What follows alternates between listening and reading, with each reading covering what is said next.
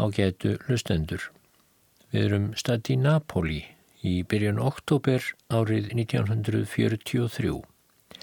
Síðari heimstyrjöldin stendur sem hæst, en eftir að auksulveldin í Evrópu, þjóðverjar, ítalir og fáinir bandamenn þeirra hafa haft yfirhöndina, fyrstu ár átakana, þá veriðist stríðskeifa nú hafa snúið baki við þeim og bandaríkjumenn, brettar, sovjetmenn og þeirra bandamenn eru í sókn á öllum vikstöðum. Í byrjun september þetta ár, 1943, gerðu bandamenn eins og óvinnir þýsku nazistanna og ítölsku fasistanna eru kallaðir einu nafni. Bandamenn gerðu innrás á Ítalju skagan miðjan. Bandaríkjaman báru hittan og þungan af innrásinni en þar var líka í liði Norman nokkur Lewis, ungur bretti, sem myndaði á samt nokkrum félögum sínum upplýsingadeild sem var í tengslum við eina af bandarísku bardagasveitunum. Og skömmu eftir stríðið skrifaði Lewis bók með minningum sínum frá þessum viðburðaríku dögum og hún er stórmerkileg. Ekki aðeins vegna þess að hún er mjög lipurlega og skemmtilega skrifuð þótt ekki sé alltaf verið að lýsa mjög skemmtilegum atbyrðum. Heldur er bók Lúis eiginlega merkilegust fyrir þá sög hver hispurslaus og opinskár hann er, meðal annars og ekki síst um það sem aflagafer og aðtóguvert er við framferði bandamanna sjálfra. Slíkt var sjálfgeft að lesa í minningum Hermanna sem voru skrifaðar aðeins fáum árum eftir stríðið þegar flestum var enþá umhugaðum að varpa byrtu hetjulundar og göfuglindis yfir sitt lið í stríðinu. Lewis sneiðir alveg hjá því. Ég las í síðasta þætti upp úr þessari minningabók Lewis og þar saði frá því þegar hann lendir með hersveit sinni skamt sunnan við Napoli í byrjun september og herdeildin sækir síðan í átt til heimsborgarinnar frægu undir eldfjallinu Vesuvísi en þjóðverjar verjast af mikilli hörku. Ítalir lippuðust hins vegar niður. Þeir settu af fasistalið tóan Benito Mussolini og hættu snarlega þáttöku í stríðinu. En þjóðverjar heldu áfram harður í mótspyrnu á Ítalíu skaganum næstu misseri. Mánuði eftir innrásinna þá urðu þýskar hersveitir þó að flýja Napoli og þangað heldur nú Lewis og félagar hans í upplýsingadeildinni. Ef þið hafið ekki heyrt hennan fyrir þátt úr minningum Lewis frá sókninni í áttaða Napoli, þá mæli ég nú með því að þið leitið hann uppi og leggið eirun við honum líka. En núna er hópur Lewis sem segt komin að borgarmörkunum sjálfum Napoli blasir við. Brátt vorum við komnir í útíaðar Napolíborgar, skrifar Lewis.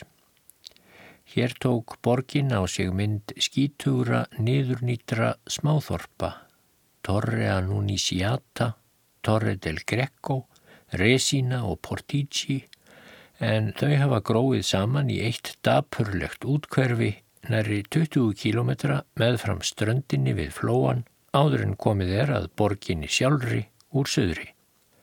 Trukkurinn okkar sílaðist eftir sundur sprengnum göttum og haugar af hrundum húsum voru til marksum sprengjuar á sér úr lofti. Fólk stóð út í dýrunum, ösku grátti í framann og veifaði sigurvegurunum á vélrænan hátt.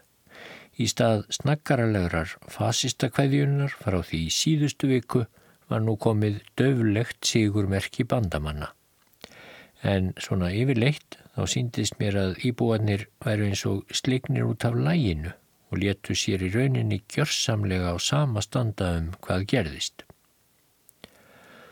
Örfáum kílometrum frá Napolíborg sjálfri breykaði vegurinn og við komum að einhverju sem líktist torki. Þar var ofinber bygging af einhverju tægi, stór en niður nýtt, útbíuð í alls konar tilkynningum og glerið í sérkverjum glukka brotið.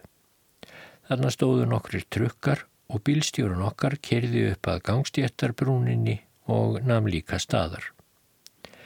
Einn af trukkunum var fullur af byrðum frá amríska hernum og herrmenn stóðu allt í kringum hann og nældu sér í hvað eina sem þá vanhagaði um. Nokkri dátar úr bílnum okkar bættust í hópin. Svo fetuðu þeir sig yfir glamrandi glerbrottin sem þögtu gangstéttina, hverum sig haldandi á nýðursöðu dós og fóru inn í drungalega bygginguna. Ég fór á eftir þeim og var þá lendur í heilmiklum tróðningi hermanna inn í stórum sal í byggingunni. Þeir sem aftastir voru reyndu að riðjast áfram og rópuðu kvartningar til þeirra fremstu um að drífa sig nú. En þegar ég náði fremst í mannþröngina var andrumsloftið öllu rólegra þar. Og þar gaf á að líta. Þarna stóð röð kvenna með um það byrj metra á milli sín. Þær stóðu með bakið upp að vegg og voru klættar í kvestasföld. Þetta voru snirtilegar og virðulegar alþýðu konur stóðu þarna eins og þeir hefðu bara skroppið út að versla eða kæfta við vinkunur sínar. Nefna hvað við hlið hverjar konu stóð svo lítill raukur af niðursöðu dósum og mér varði ljóst að það var hægt að fá að ríða þeim þarna á þessum alveg ofinbera stað með því að bæta nýri dós í rauk þeirra. Konundnar stóðu grafkirrar, sögðu ekki neitt og andlit þeirra voru jafn sviplaus og þær hefðu verið griftar í vaks. Þær hefðu alveg eins geta verið að selja fisk, nema hvað þessi markaður var hverginari eins líflegur og venjulegur fiskmarkaður hefðu verið. Þarna var ekkit verið að bjóða eða prúta, tæla eða ginna og það sást valla nokkuð tíman í Bert Hold. Þeir framleipnustu af hermönunum næstum því gínu yfir konunum með niðursöðu dósinnar sínar í höndunum. En nú, þegar þið stóðu anspænis þessum hverstaslegu fyrirvinnum heimilanna, konum sem höfðu látið sig hafa það að koma hingað að því að öll matarbúr þeirra voru tóm, þá lækkaði rostinn í dátunum mörgum. Einaferðina enn hafði raunveruleikin svikið drauminn og andrumsloftið kólnaði óðum. Sumir dátarnir flissuðu fábjánalega sögðu innan tóma brandara en aðri letu sér hverfa, þegjandi og hljóða löst. Einn dátana var daldi kendur og kvattur áfram af félugum sínum, þá lagðan loks dósina sína við hliðin á einni konunni, nefti frá buksnaklaufinni og fóru upp á hana. Mjadminnar hossuðust svo litið en þetta tók fljótt af. Örstuttu setna var hann staðin upp og nefti aftur að sér. Þessu var best aflokið sem fyrst. Það var næstum eins og hann hefði verið að undirgangast refsingu en ekki ástarallút. Fimm mínútum setna vorum við afturlagður af stað. Nýðursöðu dósum félaga minna var fleikt til vegfærenda sem kútveltust á göttunni eftir þeim. Sem betur fer hafði enginn af dátunum í mínum trukki komið til hugar að taka þátt í þessari dapurlegu skemmtun. Tveimur dögum síðar, 7. oktober. Í Napoli lyktar nú alltaf brendu timbri. Allstaðar eru rústir sem sumstaðar stíbla beinleginni skötturnar. Sprengjugígar, blasa við og yfirgefnir sporvagnar. Aðal vandamálið er að útvega vatn. Tvær miklar loftarásir, fyrst 4. ágúst og síðan 8. september, fóru næri því að rústa gjörsamlega öllum innviðum borgarinnar og það hefur vallar unnið vatn þar síðan í fyrri árásinni. Til þess að setja nú öruglega punktin yfir íð í eðileikingarstarfsemi bandamanna þá hafa sprengjusveitir þjóðverja farið um áður en það er yfirgáfu borgina og sprengt í tætlur það litla sem var einhvers virði og sem ennþá virkaði í borginni. Þorstin er orðin svo svakalegur hér í Napoli að okkur er tjáð að fólk hafi verið farið að gera tilraunir með sjó í matselt og heilu fjölskyldurnar hafa sest á hækjum sér niður í fjöru með alls konar útbúnað sem fólk vonast til að geta notað til að eima sjóin svo hann verði drikjarhæfur. En upplýsingadeildin okkar er komin vel af stað. Þegar ég mætti til leiks var búið að koma okkur fyrir í henni gríðarstóru höll Palazzo Ravischieri di Satriano niðri við höfnina í Napoli. Þessi fjóra hæðabygging er eins og ítölsk útgáfa af spænskri barokkhöll og við erum á jærðhæðinni við endan á gríðarstórum marmarastiga. Þannig er víðáttu hátt til lofts, öll loftin eru lögð skrautlistum úr gifsi, þannig eru glitrandi ljósakrónur, margra mannhæða háir speklar á veggjum og ríkmannleg gilt húsgögn í einhvers konar frönskum keisarastýl. Við höfum til umráða átta glæsi sali en ekkert baðherbergi og klósettið er í skápin í eldhúsi.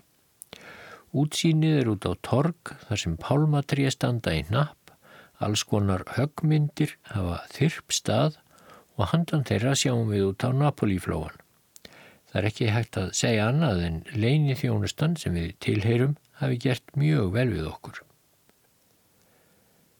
Við fyrstu sín veriðist starfið hér í Napoli hins vegar ekki endilega ætla að verða mjög spennandi. Það minnst að kosti verulega annars eðlis en starf mitt í Norður Afríku síðustu misserinn.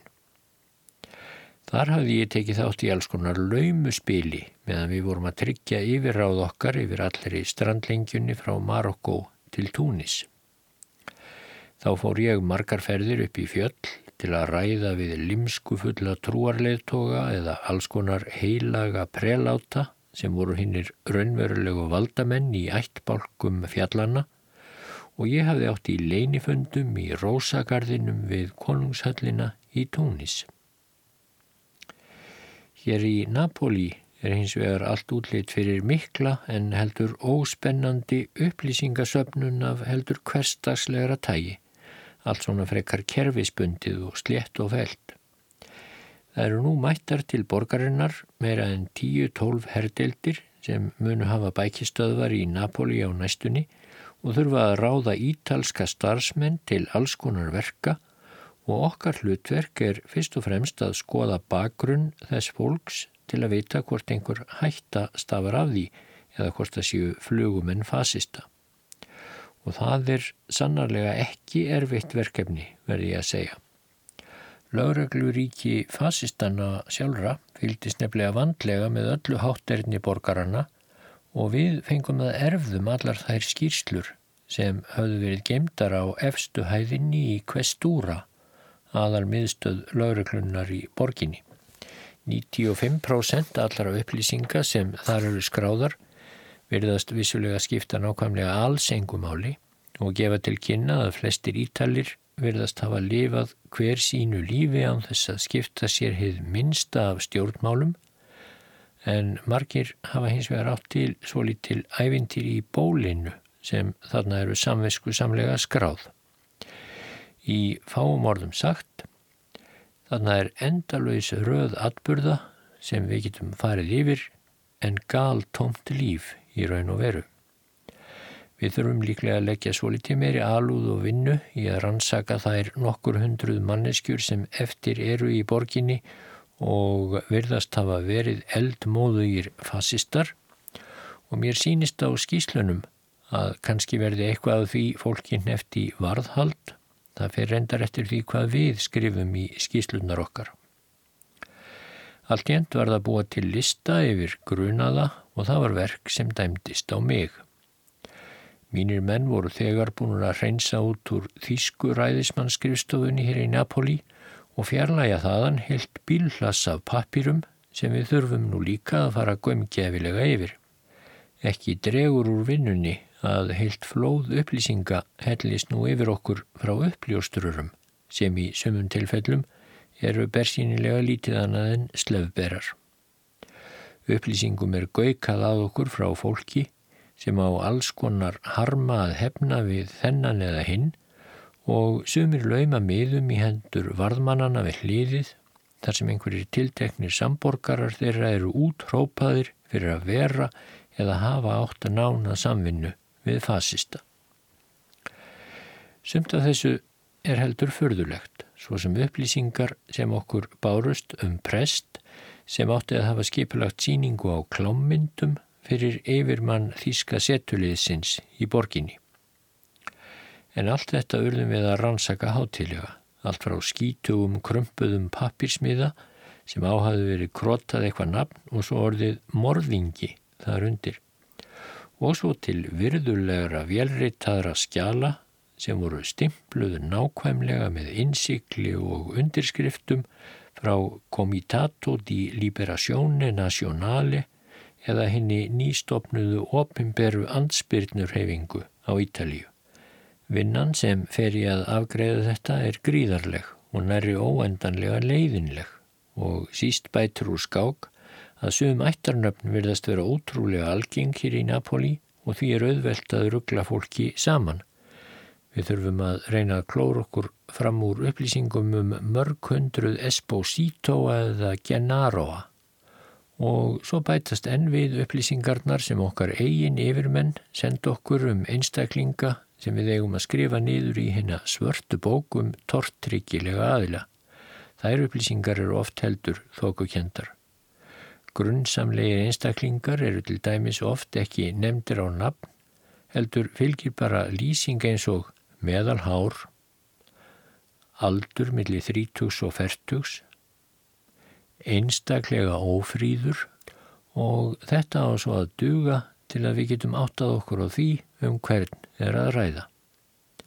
Um einn grunnsamlegan aðila var það eitt sagt að hann er sjúklega hrættur við ketti. En við höldum áfram að tátla þetta rosshár okkar og smátt og smátt fer skjálasafn okkar að bólna út og svartabókin verður sífelt þykkari með öllum sínum þókukendum anlýsingum og næri því ljóðuræna ruggli í verstu tilfellunum. Félagar mínir í upplýsingadeildinni lofa bara góðu sínist mér.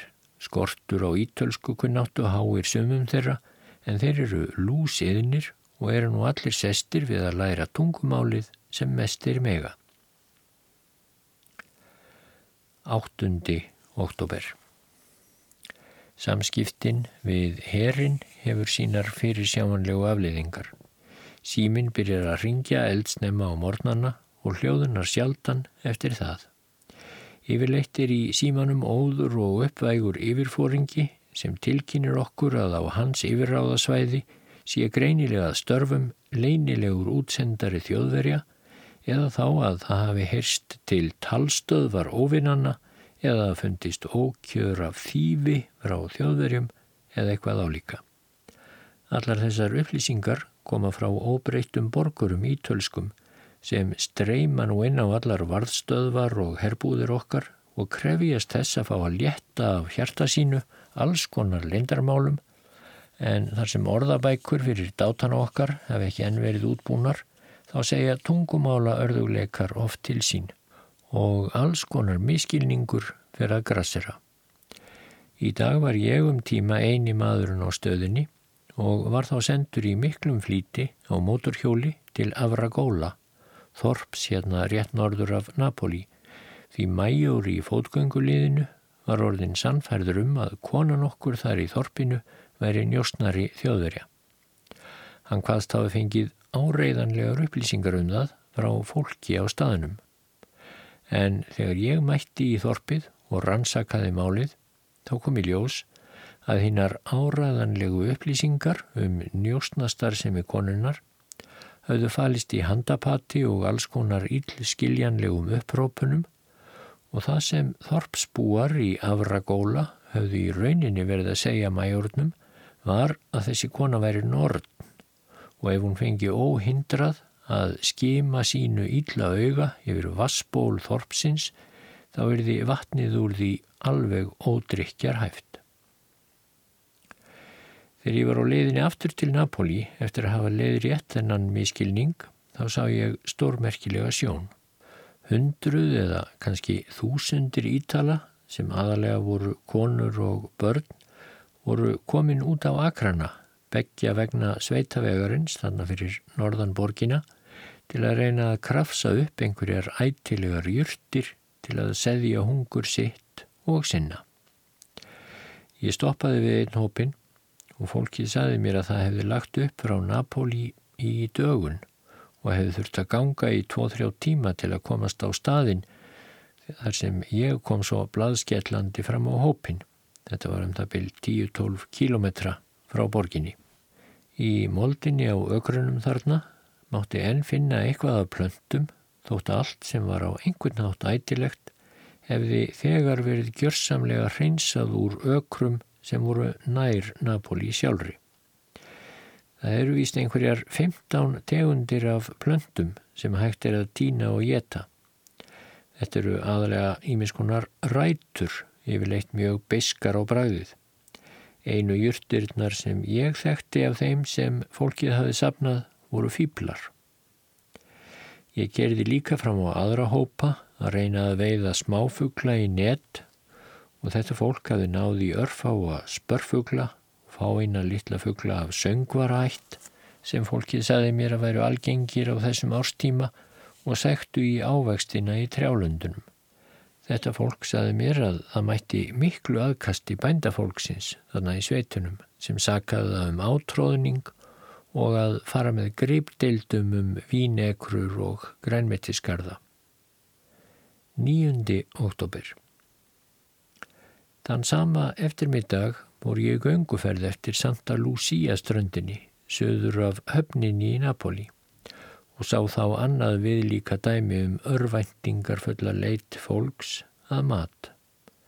Stórgríti hefur einhver tíman verið veld niður í fjöruna til að brjóta breymið og þar voru nú að störfum óteljandi mörg börn. Ég komst að því að þau voru að losa smáskeljar sem heita mararhettur af steinunum. Það var þegar búið að týna hverja einustu sædopp og sæsnigla í burtu. Marardoppur er ekki nema eins og mannsnögl að stærð en hálfpottur af þeim var nú til sölu við sjáargötuna og kostaði tvær lýrur og mér var sagt að ef skelljarnar væru soðunar nógu lengi þá mætti vonast til þess að þær léðu döfan keim af fiskbragði í naglasúpu sem annars var bara sett út í hvað sem var. Af einhverjum dullarfullum ástæðum hafa yfirvöld bandamanna ekki enþá lift fiskibátum Napolíbúa að halda til veiða. Þó eru auðvitað nákvæmlega engar líkur á að slíkir bátar, jafnvel þótt mannaðir væru þýskum sjóliðum, gætu unnið bandamönnum minsta tjón en það er Napoli-flóin nú fullur af stórum og smáum herskipum úr flotum bæði bretta og bandaríkjumanna. Ekkert, nákvæmlega ekkert sem meldingarkerfi mannsins ræður yfirleitt við fer forgörðum hér í Napoli þessa dagana. Það er slátrarabúðir sem hafa verið opnaðar hér og hvarum borgina selja ekki neitt sem við getum venjulega fallist á að kalla kjöt en þeim hálf úldna úrgangi sem þar er bóðið upp á er stilt út í glugga af listrætni smekkvísi og meðhundlaður af miklum hátileika. Kjúklingahausar sem gokkurinn hefur við kliftur fagurlega af, hann kostar 5 lýrur. Lítil grá klessa af einhverjum kjúklinga innmat er stilt út á fallegum postulínsdiski og kostar líka 5 lýrur lítil leðurkend klípa sem sögður vera fugglsmægi, kostar þrjár lýrur, kálvaklaufir, kostar tvær lýrur stikkið, stór barki úr einhverju óljósu kvikindi, kostar sjö lýrur. Fólk stendur í heilungum byðröðum til að reyna að krækja í þetta góðgæti. Það ganga þráláttar sögurum að köttunum í borginni hafi mjög fækkað. 10. oktober. Það var nú meiri hefnin fyrir alla, þrátt fyrir allt, að frelsun Napoli skildi eiga sér stað einmitt á þessum tíma þegar enn var ekki búið að týna ávextina í hús og blít haustveðrið hjálpar til við að lína erfiðleika af öllu tægi. Alla daga skín blíð sólinn frá mótni til kvölds þótt mestu sumarhittarnir séuða baki. Þaðan sem ég sitt og fletti þreytulega gegnum heilu fjöllin af ásökunum og ákærum uppljóstrara um alls konar misindi samborgara, þá get ég rest mig við með því að gæjast út á það þröngastræti sem likur upp að einni hlið hallarinnar þar sem skrifstofan okkar er. Húsin hinum eigin við göttuna eru tróðfulla verkamannafjölskyldum sem reyna greinilega að halda sig utan dýra sem stærstan hluta sólarhingsins og því er þessi gata jafn hávær og fugglabúr í hittabeltinu. Í bítið á mornana ber fjölskyldan sem býr í húsinu og móti út stofuborði sitt og kemur því fyrir á göttunni þétt upp við útitinnar hjá sér. Yfir borðið er breyttur í snatri græn dúkur með skúfum. Svo er stólum raðað kringum borðið og þess gætt að nákvæmlega sama fjarlæðin sé milli allara stólana. Á dúkin er svo raðað nokkrum innrömmuðum fjölskyldumyndum, vasa með gerfiblómum og nokkrum skreittum litlum glösum sem svo eru pússuð nokkrum sinnum yfir daginn til að reiksetjist ekki á þau og þarna býr svo fjölskyldan fram á kvöld í því sem segja má að sé herbergi án veggja. Þann er móðir, afi og amma, táningstúlka og tveir engar framtaksamir strákar sem koma að fara allan daginn. Nokkrum sinnum yfir daginn greiðir mamman hárið á unglingstelpunni, þvær sónum sínum í framann, býður upp á einhver svoðin matvæli úr potti í hádeginu saumar reyðinar býst og þværloks þvotta þegar degi fyrir að halla. Nokkur fleiri borð standa út á göttunni þar sem aðrar fjölskyldur halda til. Þetta er friðsæl sjón þótt unga fólkið sé á ferðu og flugi. Grænu gardínurnar sem hanga yfir glukkunum á efrihæðunum og svölunum blakta eins og rólegur andardráttur í blíðri gólunni sem kemur frá sjónum. Fólk kallar hvert til annars langar leiðir og það er ósvikinn tónlist í röddunum. Bettlari með örsmáa kriplaða fótleggi er borin út á göttuna af vinnum sínum og honum er komið vandlega og þægilega fyrir uppið húsvegg þar sem hann fór svo að stramma mandólín. Tveir grannvaksnir bandarískir hermenn með sveiblu í mjöðmum gengu eftir göttunni og táningstúlkan við borðið leitu upp og horfi á eftir þeim þángar til þeir gengu fyrir hotn og hörfu úr sjónmáli. Það er ekkit skildi utan á höllinni sem segir hverjir við erum sem hér höfum aðsettur eða hvað við erum að gera og því er erfitt að skilja akkur í allir virðast ganga út frá því sem vísu að hér sé aðalbækistöð bresku leini þjónustunnar á staðnum en það er nefnilega bersínlega á allra vitturði og því líkur hingað stöður ströymur á gestum sem vilja bjóða fram þjónustu sína sem uppljóstrarar. Engin nefnir að vilja fá pening fyrir. Gestir okkar verðast tilbúinir til að vinna fyrir okkur af einskerri og tandurreitni hotlustu við málstað bandamanna. Flest allir verðast vera efri miðstjéttarmenn eða mentamenn og láta okkur hafa fagurlega prentuð nafnspjöld þar sem þeir eru vandlega staðsettir í tilverunni sem avokato, dottore, ingenýra eða professora. Þetta er allt hinnir grandvörustu menn að sjá, sem er endar engar tilkomi miklir og þeir ávarpa okkur í lágum samsærist tón.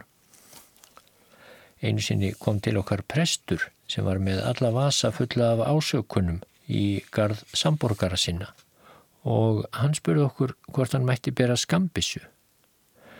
En þetta eru nú þeir skítakarakterar sem við eigum að treysta á. Einu sinni voru þeir bara ávarpaður með sínum réttun öfnum en nú eru þeir orðnir virðulegir uppljóstrarar og jáfnvel í glæsilegustu tilfellunum eru þeir nefndir tengiliðir. Þetta er sérstök manntegund og eru reyndar það sem sér hver njóstna og upplýsingastofnun þrýfst á.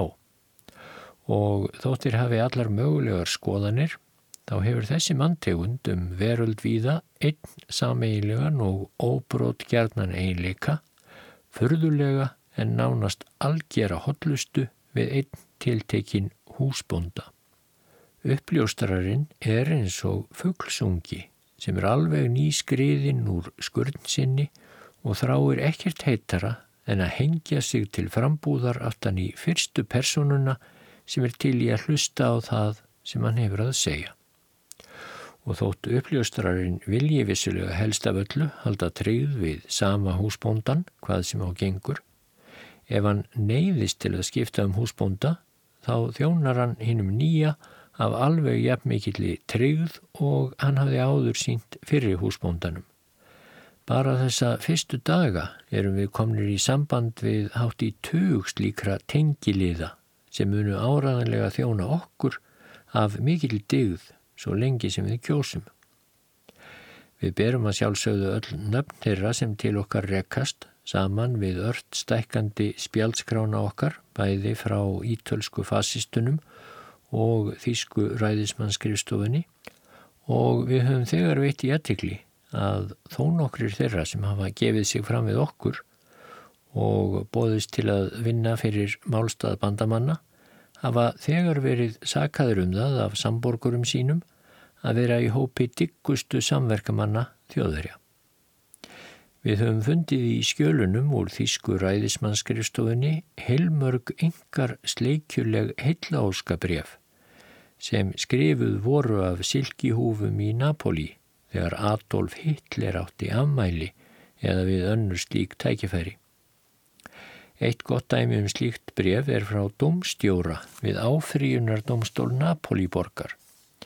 Þar sem brefrittari fullvissar hinn Þíska der Führer um djúpa aðdáun mína og virðingu fyrir hinnum hugdjörfu hermönnum í landi þínu og endar á orðunum con profonde devota osservanza með minni dýfstu hotlustu. Þessi sami góði domstjóri var einmitt nýbúnað hverfa á brott frá okkur eftir að hafa fullvissað mig um djúbstæða löngun sína til að þjóna hennum göfuga málstað bandamanna með því að koma upp um samborgara sína. Það sem kemur okkur svo stórlega óvart er að því þýska skriffinsku bákn hefur meðhandlað öll þessi sleikjubref frá Napoli sem mörg hver hljóma eins og óðir menn hafi skrifað þau. Þau hafa öll verið meðhandlað af stakri saminskusemi af þjóðurum og mikillin ákvæmni. Hvert einasta þeirra hefur verið þýtt og sendt í alvöru til skrifstofu ríkiskanslara eða fóringjans í Berlín.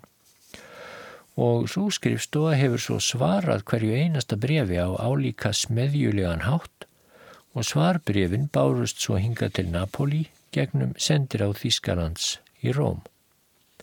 Mann bókstaflega sundlar við tilhugsunina um allt það papírsflóð og alla þá vinnu sem þjóðverjar hafa lagt í að lesa og svara 20.000 sleikjubrefa frá kvistlingum og slímpöttum í allri henni hersetnu Evrópu.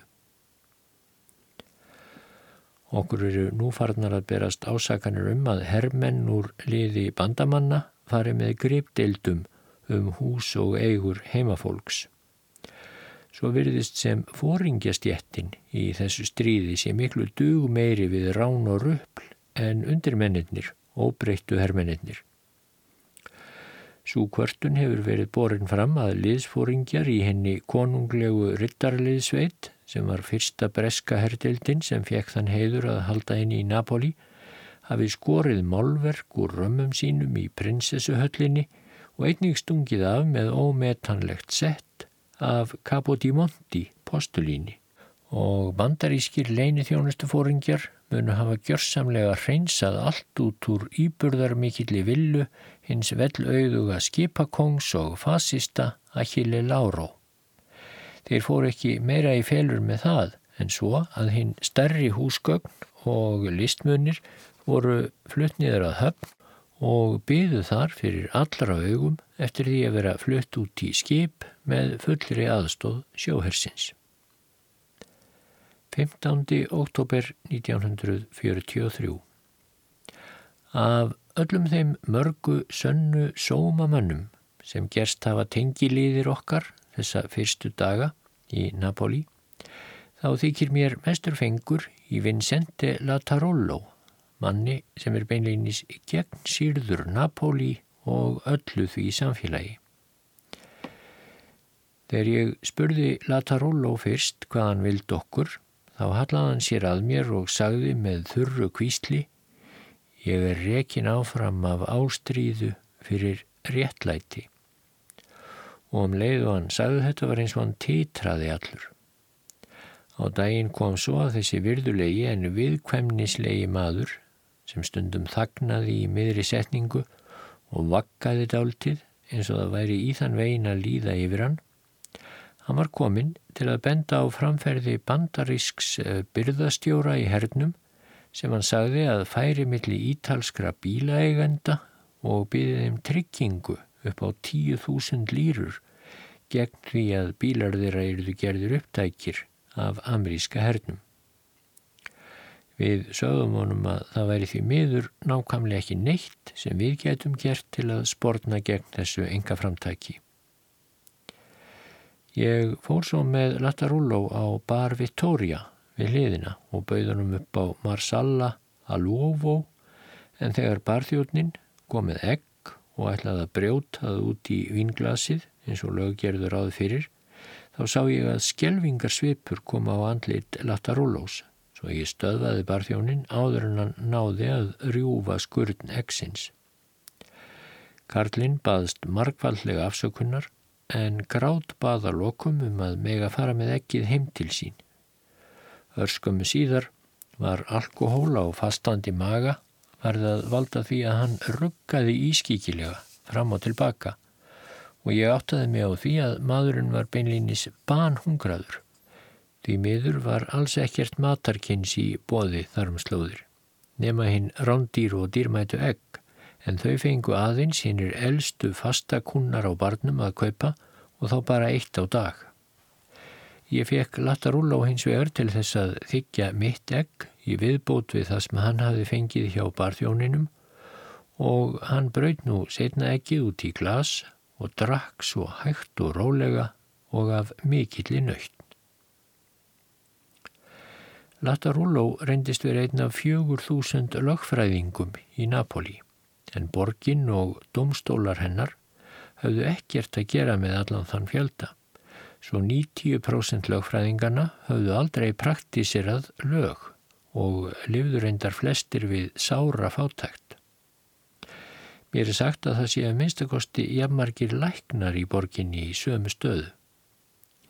Þessir hámentuðu fátæklingar eiga rót sínaður ekki til þess að hver einasta miðstjættar fjölskylda í Napoli lítur á það sem helsta markmið sitt í lífinu að geta af sér að minnstakosti einn hámentaðan en gagslausan són.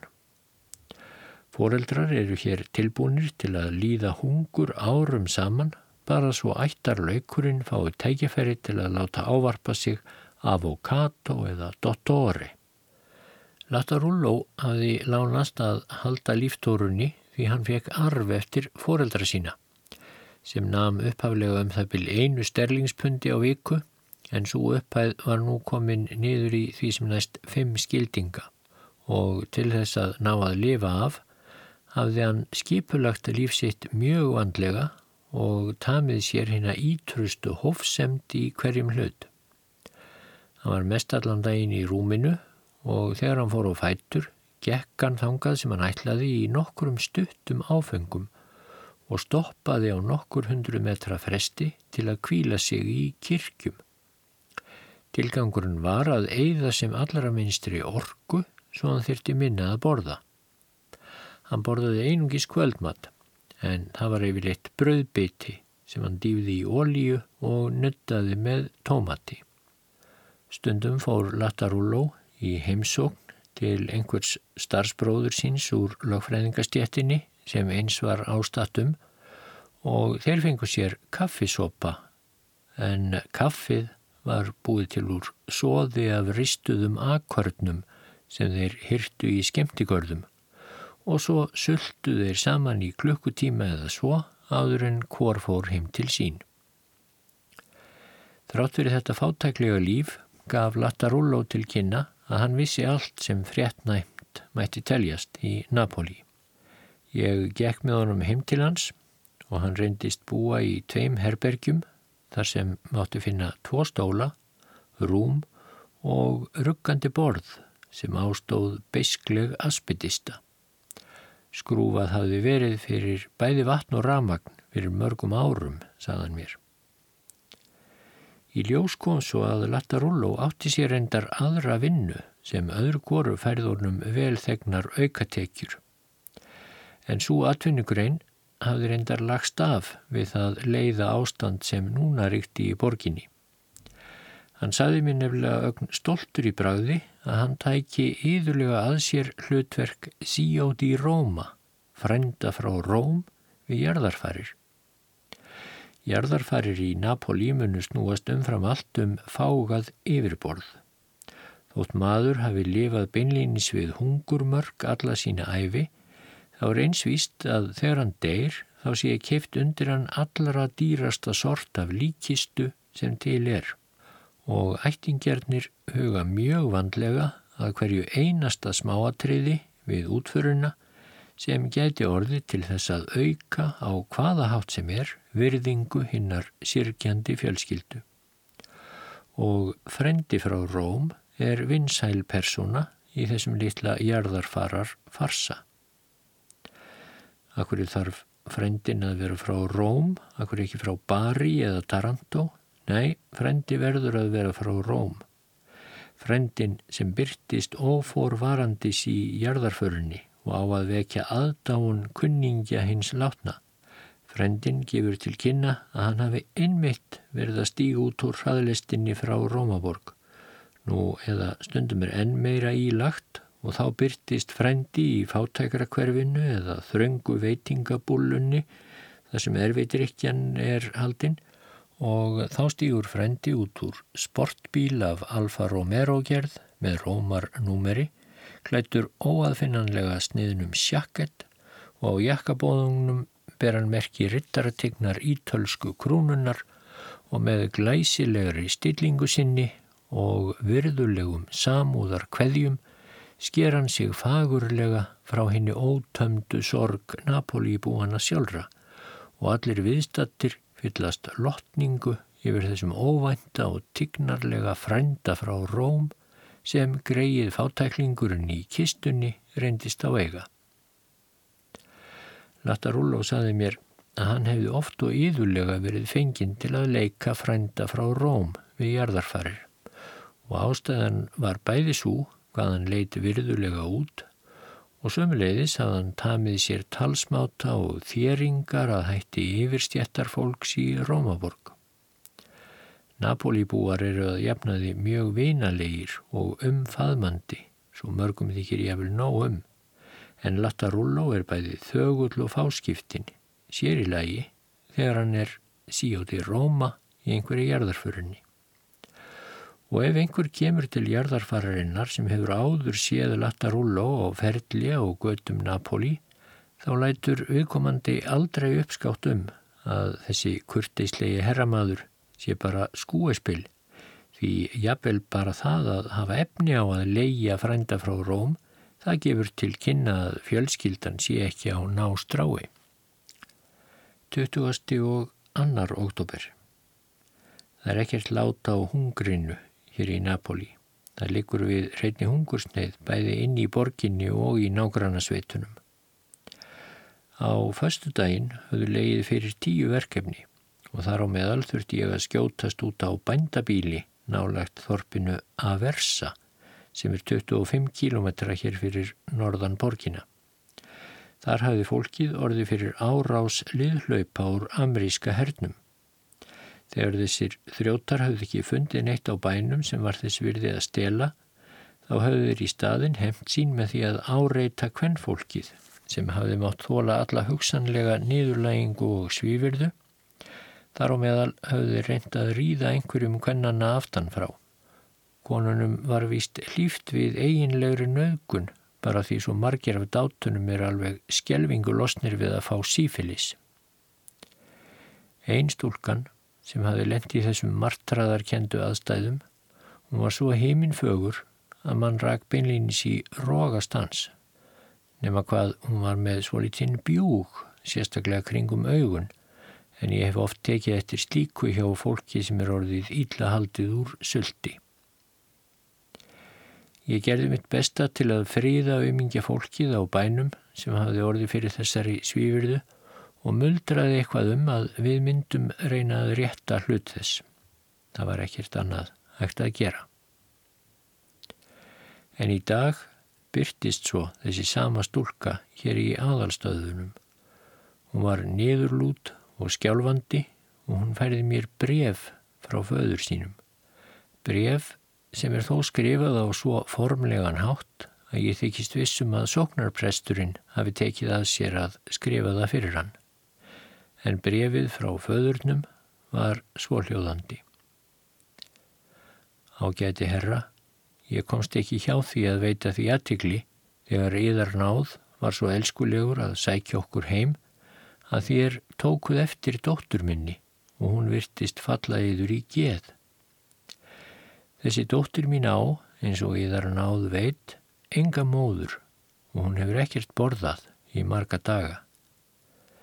Ef þér getuð bara komið í svo fyrir að þessi dóttur mín fengi góða máltíð einsinni á dag, þá væri ég satt að segja bara hinn ánægðasti með að stúlkan heldi til hjá yður og við getum kannski síðan komist að einhvers konar samkomulagi um framtíð hennar. Yðar einlegur þjótt, pappi stúlkunar.